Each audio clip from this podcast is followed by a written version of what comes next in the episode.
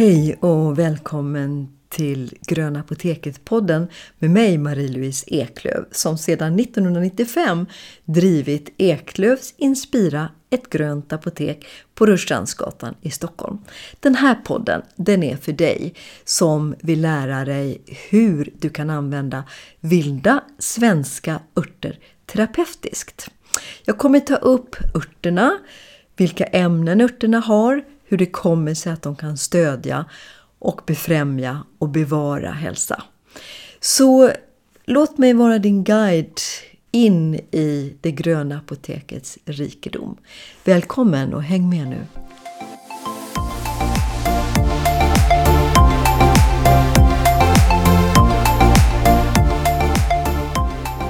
Det här avsnittet det känns lite grann som grundbulten i den här Gröna Apoteket-podden. Här vill jag dela med mig lite grann om de tankar jag har och den erfarenheten jag har sedan över 30 år att jobba som komplementärmedicinare och läkarterapeut. Eh, jag tänkte överhuvudtaget det här med hälsa som är någonting som vi verkar vara födda med att sträva efter. Har man inte hälsa så söker man den på alla möjliga sätt. Och har man hälsa ska man vara väldigt glad tycker jag och försöka bevara och befrämja att man fortsätter att känna att man har sin hälsa.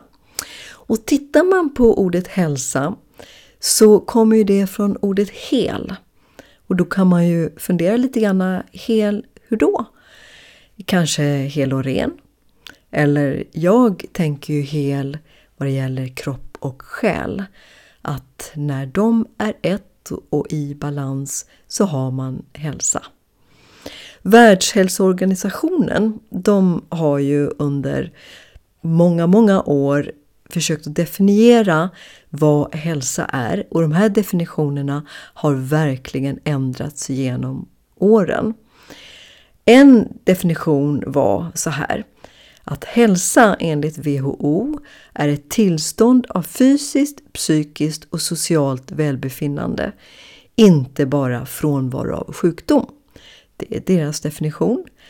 Och på 1100-talet så levde en kvinna som jag är väldigt, väldigt inspirerad av som heter Hildegard av Bingen. En tysk nunna som sedan blev abbedissa. Och hon definierar hälsa så här.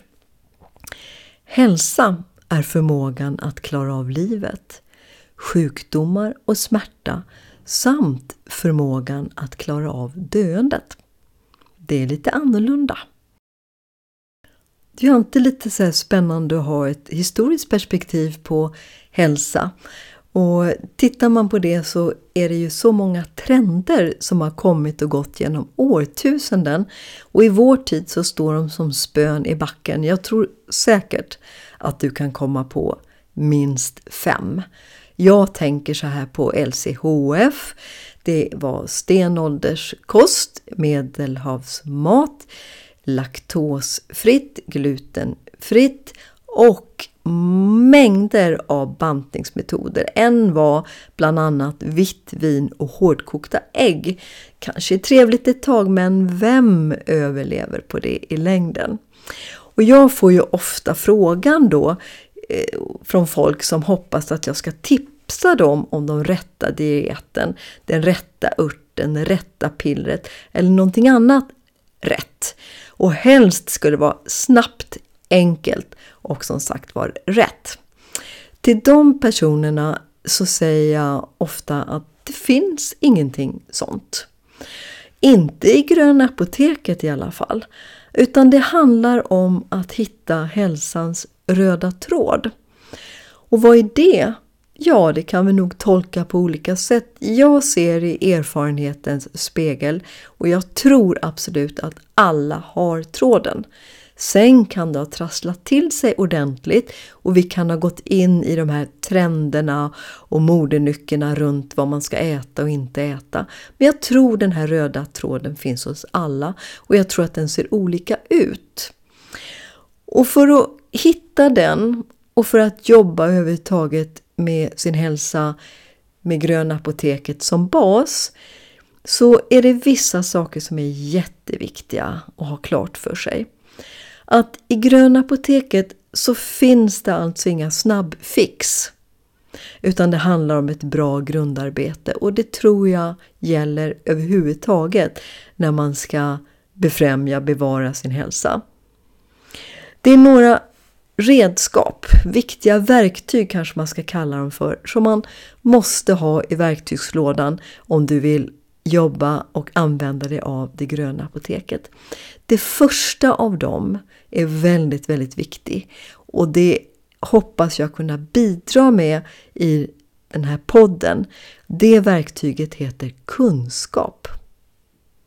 Och har man kunskap om exempelvis örterna, dess verkan och kroppen och hur örterna, aktiva ämnen där interagerar i kroppen.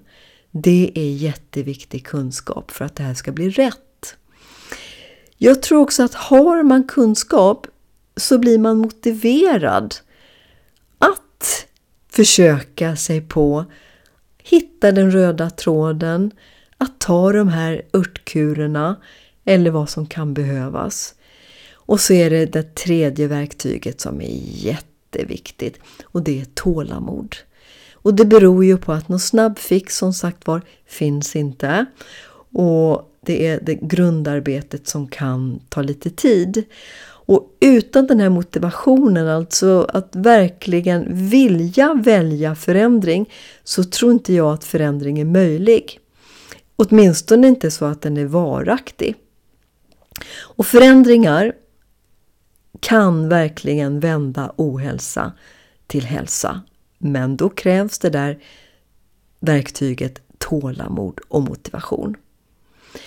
Sen är det ju många då som eh, känner så här att ja men det är så konstigt, nu har jag fått eksem eller nu har jag fått klåda här eller nu kan jag inte sova eller vad det är för någonting.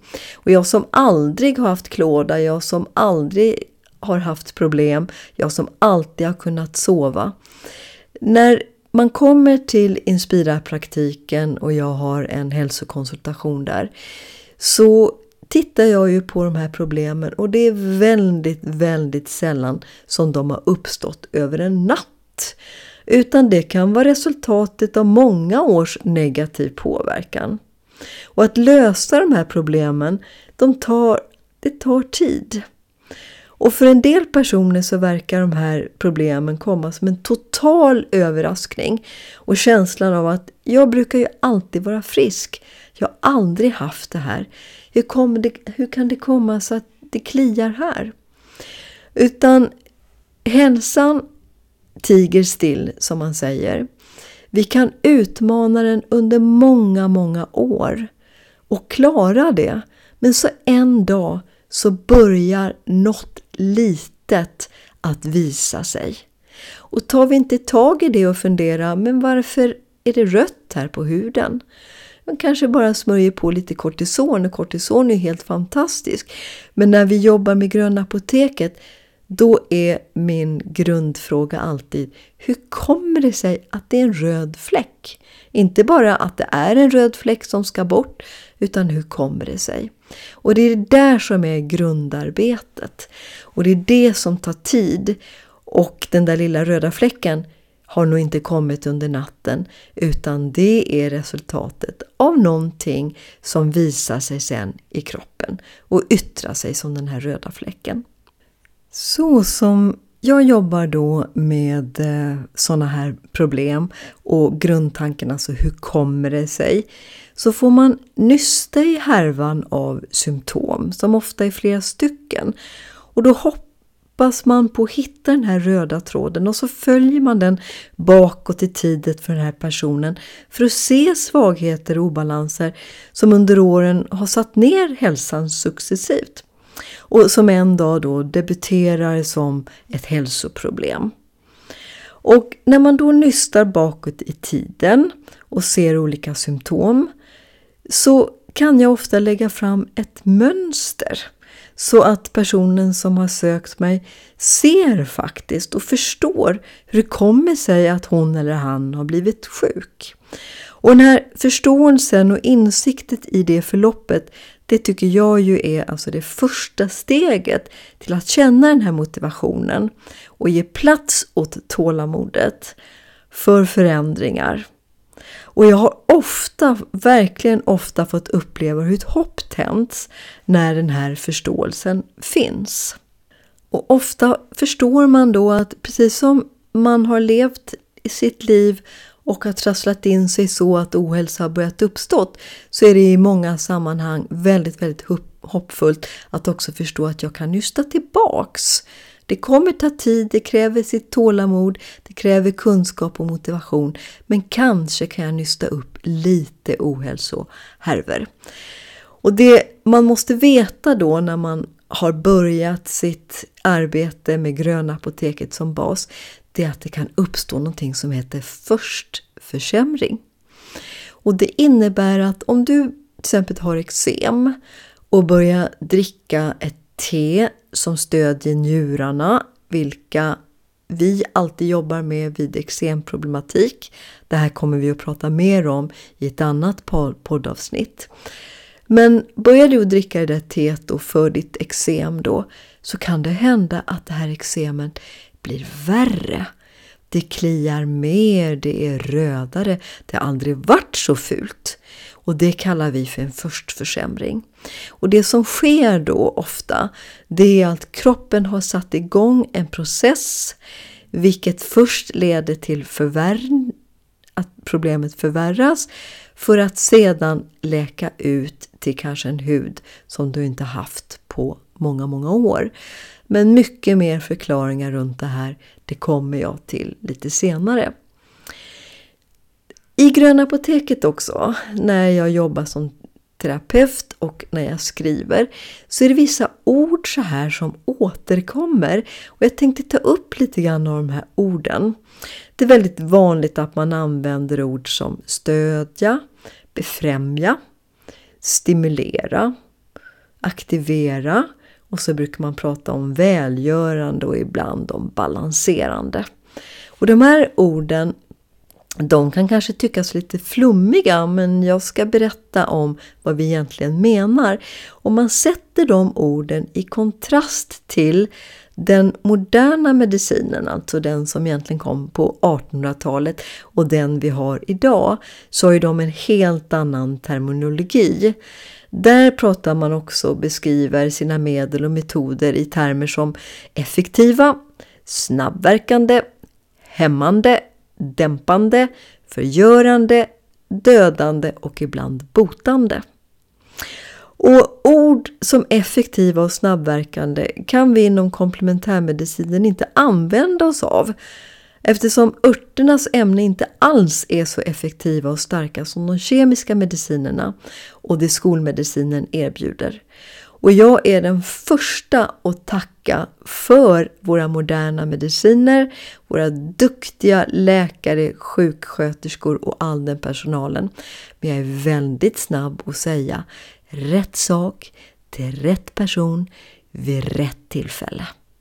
Och det är det det handlar om, att varje profession bör inse sina möjligheter men också sina begränsningar. Och Örterna kan ju alltså till viss del ha en symptomdämpande effekt, precis som de moderna medicinerna ofta har. Men främst är det bra, de är mest bra tycker jag, på att förebygga och i långsam takt ge stöd åt kroppens egna funktioner. Så att ohälsoproblem kan minskas och ibland och ganska ofta helt försvinna. Så för att tydliggöra det här så kan man säga att inom komplementärmedicinen så jobbar vi med att stödja kroppens funktioner genom exempelvis örters vars aktiva ämnen då kan underlätta vissa processer i kroppen. Och örterna kan även med sina substanser befrämja kroppens produktion av vissa ämnen. Exempelvis befrämja matsmältningssafter eller befrämja saliv, bukspottssaft, galla eller tarmsafter. Och det arbetssättet som jag jobbar med det går sällan ut på att hämma eh, någonting i kroppen utan snarare att befrämja. Exempelvis om man hostar så finns det ju inom moderna och skolmedicinen hosthämmande mediciner. Och det kan ju vara jätteskönt om man ligger och hostar en natt. Men vi funderar ju alltid som sagt var hur kommer det sig och varför får vi hosta? Det finns ju flera olika anledningar men ofta är hosta till för att vi ska få upp slem. Så då jobbar vi med att befrämja Eh, kroppens hostreflexer så att eh, borttransporten då av irriterande slem till exempel kan underlättas. Sen kan ju eh, vi använda ordet att stimulera och då syftar man på att de aktiva ämnena kan hjälpa till exempel kroppen aktivitet i ett speciellt organ genom att stimulera Exempelvis blodcirkulationen kan stimuleras. Det kan också handla om att man stimulerar immunförsvaret genom att till exempel förbättra förutsättningarna för ett bra näringsupptag. Och det gör man genom ett grundläggande hälsoarbete. Och I vissa sammanhang, exempelvis vid feber, så talar vi om att aktivera och höja temperaturen i kroppen så att en läkande feber framkallas. Och det tänker ju många, men gud vilken dum människa. Man vill ju inte ha feber, man vill ha bort den. Men då tänker jag så här, varför har vi fått feber? Förmågan att få feber. Jo, det är ju för att feber skapar en ogynnsam miljö för bakterier som vi inte vill ha. Och febern de aktiverar ju de vita blodkropparna. Och detta smarta försvarssystem det är ju toppen om vi i vissa situationer kan stödja den. Men då måste vi självklart ta hänsyn till vem är det som har febern. Är det en liten bebis eller en väldigt svag äldre människa? Då får vi inte ha det. Men är man normalt frisk, går med lite lätt feber så kan man alltså med örters hjälp få en liten ökad värmepuls som skapar den här febern och då kallar vi den för en helande febern. Så att bakterier och virus inte trivs så bra och vi kan stimulera immunförsvaret som då snabbare brottar ner dem. Så örternas välgörande och balanserande verkan det är mer övergripande ord som är resultatet av den stödjande och befrämjande processen. Så där tänker vi när vi gäller terminologi och vi använder oss av de här orden. Och jag hoppas verkligen att du förstår nu hur jag menar. Och förstår du hur jag menar så har jag lyckats förmedla någonting i den här podden. För då har jag kanske givit dig lite kunskap som har skapat motivation och som har gett dig tålamod kanske. Att finns det ett litet ohälsoproblem där? Titta om du kan använda dig av det gröna apoteket. Hoppas du känner dig inspirerad nu så att du lyssnar vidare.